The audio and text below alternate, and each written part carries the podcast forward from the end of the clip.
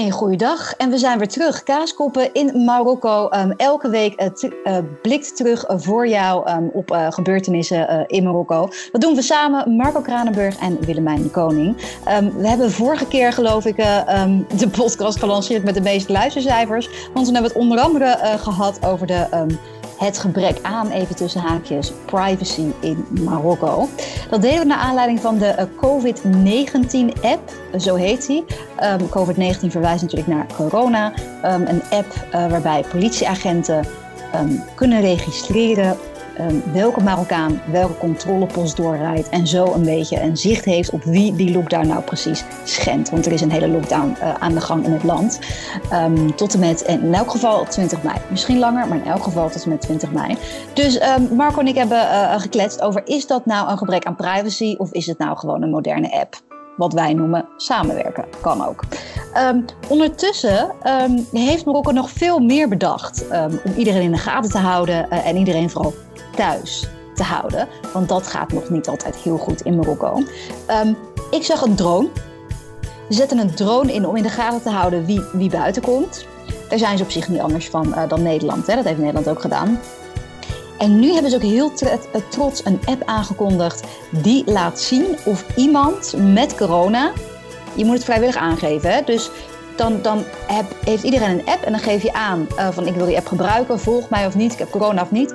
En dan houdt die app voor jou bij of je in de buurt bent van iemand die corona heeft. Dus Marco, mocht ik jou nou eindelijk in real life ontmoeten of ontmoeten, weer zien na zoveel, uh, na zoveel tijd uh, vanuit huis uh, geskypt te hebben, dan kan ik dus gelijk zien, oh, er is iemand bij me in de buurt die heeft wel of geen corona. Dus ik kan, maak ik daar even uit op, diegene wel of niet knuffelen.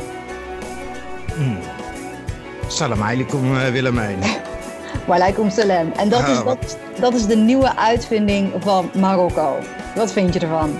Nou, dat is dan wel een 2.0 versie uh, op de maatschappelijke, oftewel de sociale controle die Marokko al kent. Uh, dat ja, is het eerste wat in mij opkomt. Ja, dat zei je vorige keer ook. Want jij, ja. dat, die opmerking was inderdaad de reden dat wij het er dit keer over zouden hebben. We hadden het over gebrek aan privacy. En toen merkte jij op, ach, vinden die Marokkanen het zo erg? Want als de politie het niet doet, houden ze elkaar zelf wel in de gaten.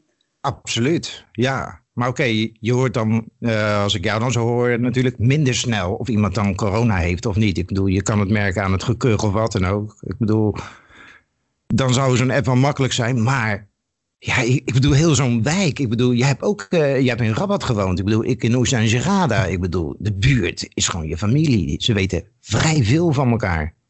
Ja, uh, ze kenden mij eerder dan ik hen. Ik liep door het appartement en ik zag uh, buren die ik nog niet had gezien. En die zeiden dan, hallo, ja, jij komt uit Nederland, hè? Uh, ja, en wie bent u? en um, ja, nee, ik kwam er echt achter dat mensen meer wisten van mij dan ik hem, dan ik van hen. ik heb zelfs meegemaakt een um, collega-correspondent van mij, want ik was correspondent, hè, journalist in het buitenland um, in Marokko. En een collega-correspondent van mij, zij werkte voor Duitse media, zat in een taxi. Ze stapte uit en de taxi zei gedag met haar voornaam. Dus zo. ver gaat het af en toe. Ja, dat, dat, dat ze zelfs weten uh, hoe je heet. En of het nou aan de politiedienst te danken is of aan uh, de buurt. Ik weet het niet, mijn Arif. Maar um, in elk geval weten ze heel veel. Ja, en dat is dan wel heel grappig als je dat een beetje afzet naar het uh, Nederlandse. En ik herken jouw verhaal, Willemijn. Ja, zeker. Ik bedoel, in de jaren dat ik daar werkte, en dat was met name ook in Gerada. Ik woonde bij mensen in. En die mensen waren alleen maar alleen al even een, uh, een paar dagen weg. Dus ik had het huis alleen. Eindelijk. En ik, en ik dacht, heerlijk. Rust. Ik kan gewoon, zeg maar, in mijn onderbroek rondlopen. Zonder gezien te worden mijn ijsje bakken wanneer ik dat wil. En opstaan, televisie kijken, noem maar op. Geen, Had je wel alle ramen dicht dan? Want anders kijken ze alsnog bijna binnen. Ja, nee, zeker. De ramen gaan dicht. maar ik kende heel, al die buren natuurlijk niet, was een paar keer gezien. Het begon al met een ontbijt s ochtends. Ik, ik heb mijn eigen ontbijtje niet helemaal hoeven te maken. Het was al gelijk s ochtends aan de deur. En er stond een meisje met een bosje voor de deur. Met een omeletje erop. En een warme koffie. En dat moest ze van de vader brengen. En dat vond ik zo lief, dus ik heb heerlijk mijn ontbijtje opgegeten. Ik denk, nou oké, dat, uh, dat gaat goed. Maar voordat je het weet, zit je smiddags alweer bij andere buren te eten. Ze zijn zo zorgzaam.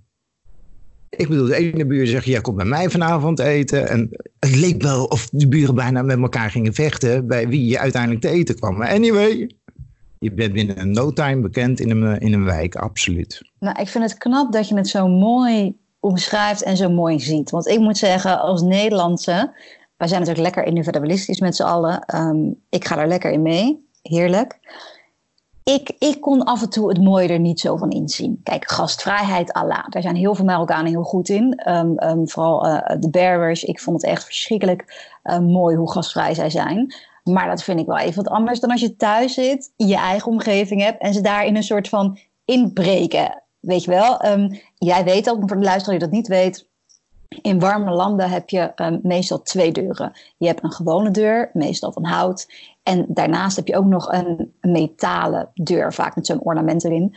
Um, dus dan kan je de houten deur openzetten, dat je lucht door je huis heen krijgt. Anders is het veel te warm.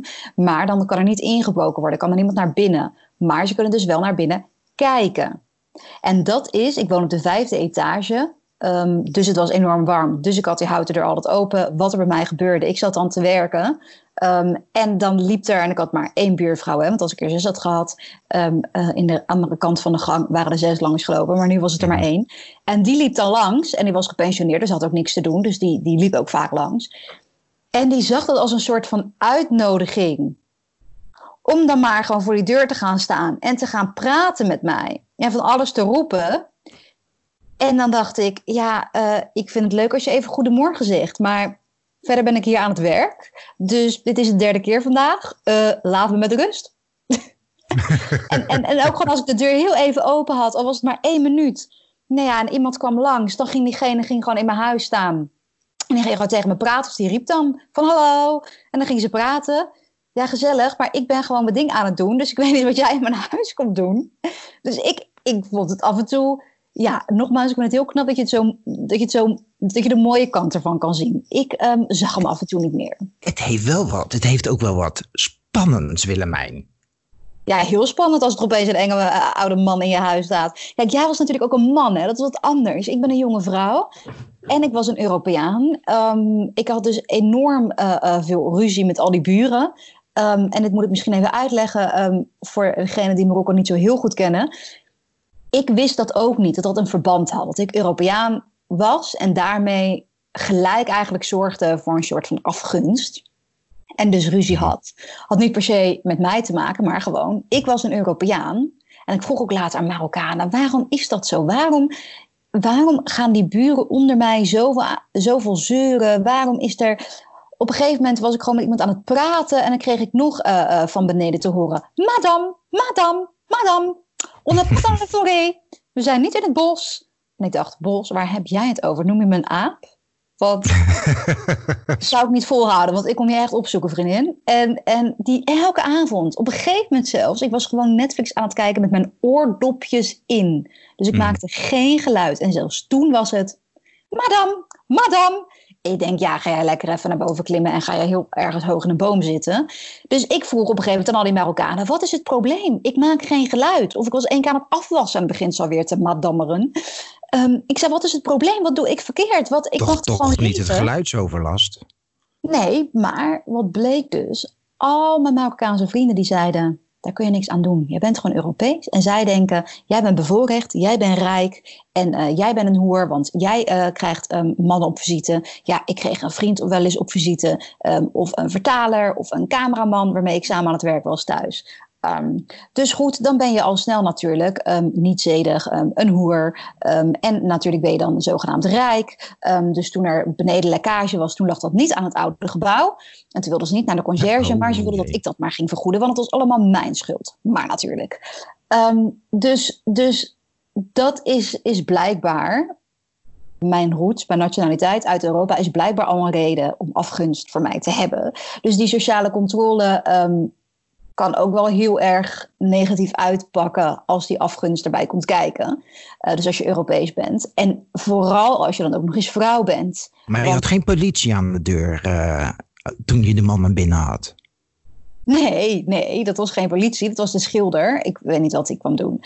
ehm, ik, en het is ook zo vaak gebeurd. Er zijn zoveel mensen dan opeens aan gaan kloppen. Of als de deur open stond, stonden ze opeens drie meter in mijn huis. Dat ik dacht, wat doe je hier? Maar als vrouw is het wel wat anders dan voor jou, als man Mhm. natuurlijk. Want ik dacht wel meteen, hè, op straat werd ik ook vaak, eh, werd ik ook vaak achtervolgd. Eh, werd ik ook eh, drie keer per dag in de lente ten huwelijk gevraagd. Of ik nou een avocado jus op een pannenkoekje bestelde. Ik kreeg er gelijk een huwelijksaanzoek gratis bij. Dat was in een promotie in de lente dan. En ehm, ja, dan is het toch wel even een ander verhaal. al- Als mannen zich dan wel... Als mannen je, je privacy niet respecteren. Wat een aparte en heerlijke wereld. Ik bedoel, jij kan, kon dan in dat geval nog mannen ontvangen. Maar ja, het is natuurlijk wel eh, vervelend dat je dan eh, anders gezien wordt. Maar dat hoef ik als man niet te doen. Als vrijgezelle man. mannen ontvangen? Nou, mannen wel, maar vrouwen niet. En waarom zou je dat willen, Marco? Nee. Nou ja, god man, als je een aantal jaren daar zit. Ik bedoel, je, weet je, er is een hele mooie eh, eh, gezegde. Ik bedoel, wij zeggen in, eh, in Nederland beter een go- een goede buur dan een verre vriend. Uh-huh. En daar werd me als eerste geleerd: kies eerst je buren uit en koop dan pas het huis. Oh ja, in Marokko een hele nuttige tip. Hele nuttige tip.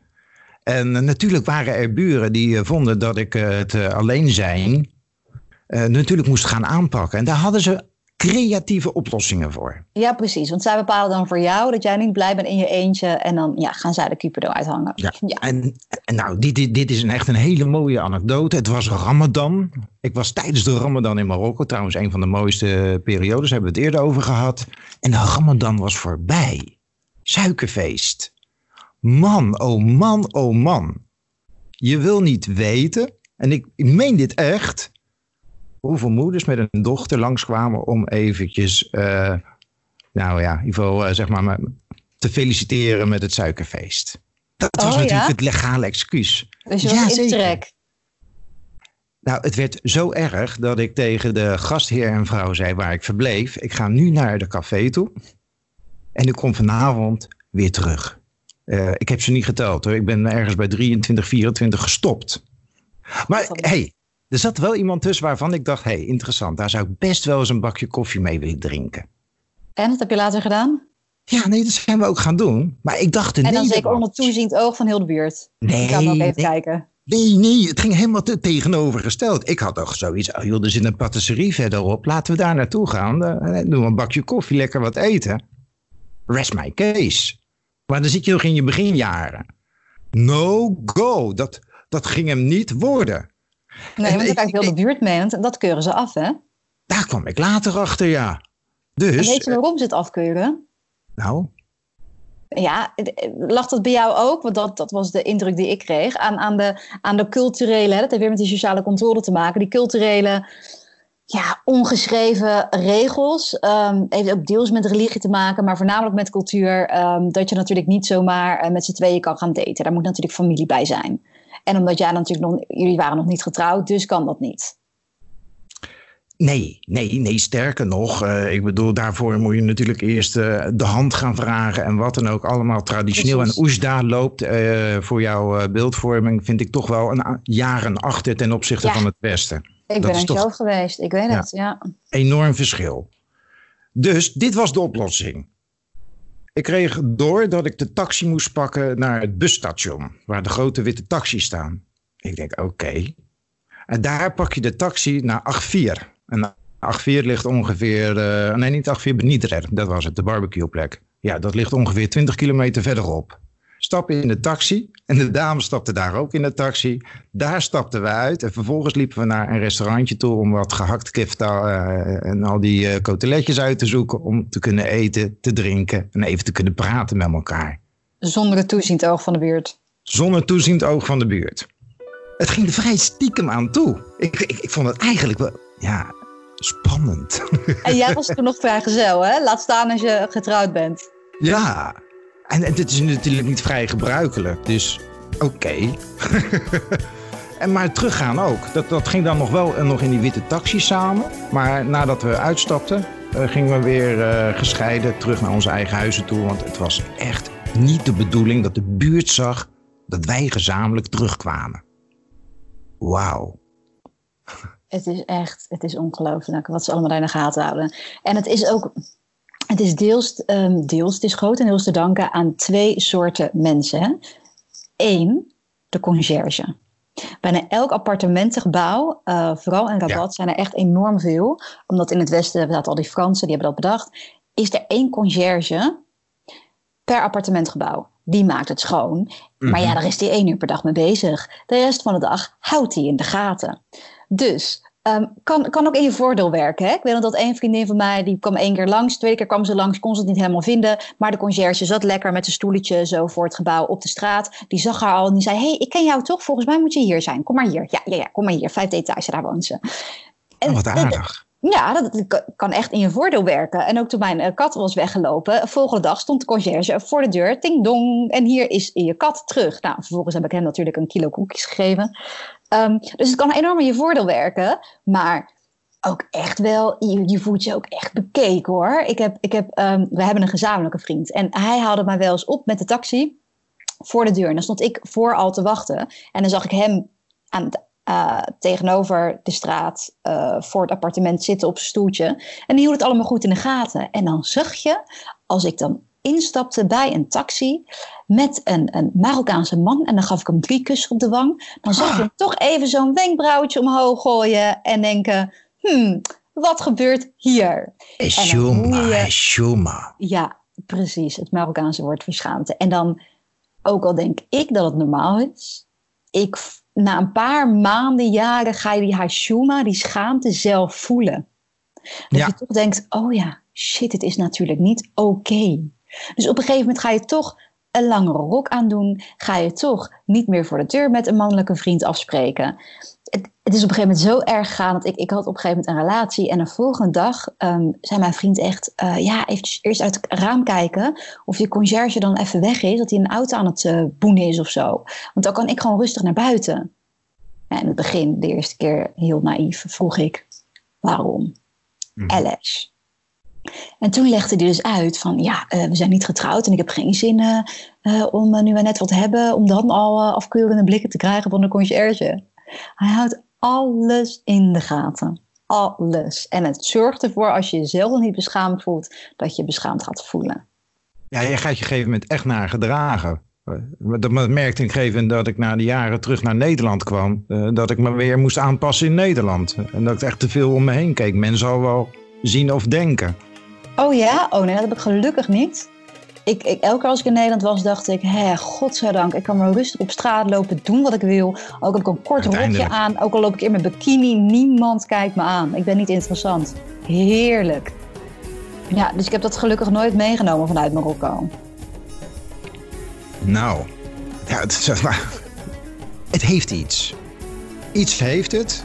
Het houdt zich in zijn geheel. Ik bedoel, dat, dat, ja, dan, ja maar dan, dan, dan neig ik al naar een, een stuk opvoeding te gaan. Maar de maatschappij die heeft zo'n belangrijke rol, Willemijn. Ja, nou, wat mij een corrigerende rol. Verstikkend hoor. Want goed, ik zei dus net, er zijn twee mensen die, die vooral alles in de gaten houden. Eén is die ja. conciërge.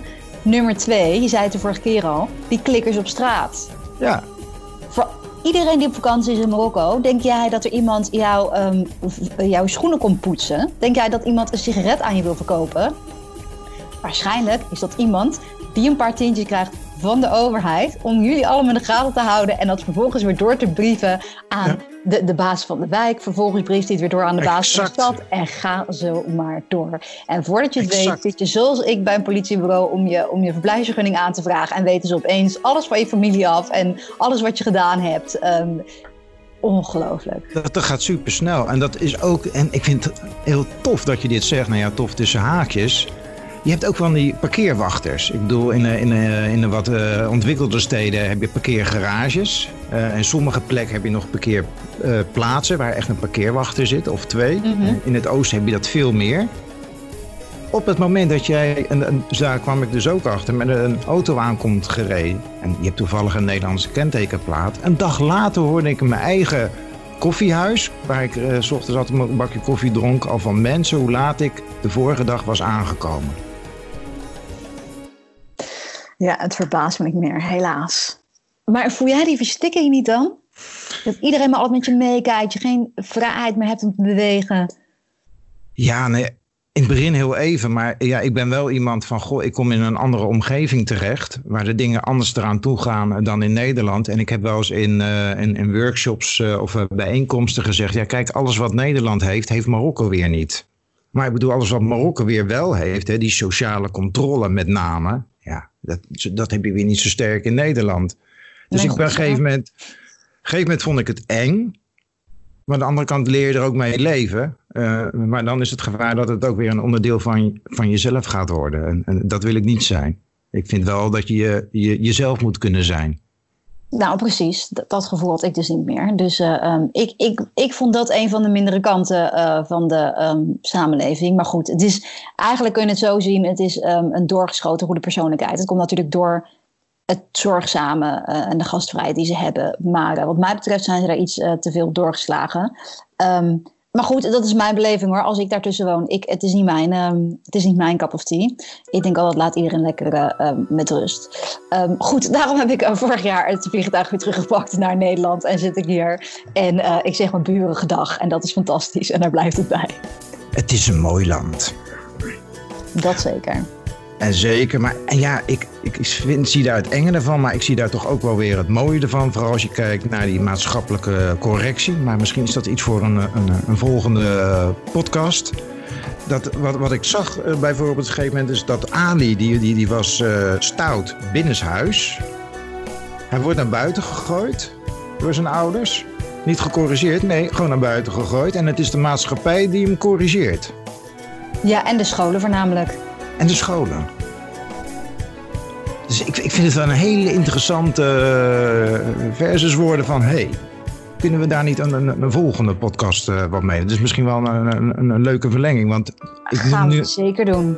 Ja, want... De, de opvoeding die voornamelijk inderdaad door scholen gedaan wordt. Educatie in Marokko.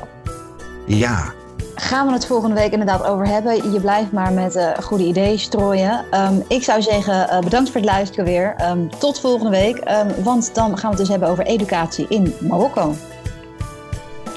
Spannend. En uh, bedankt voor het luisteren. Slema.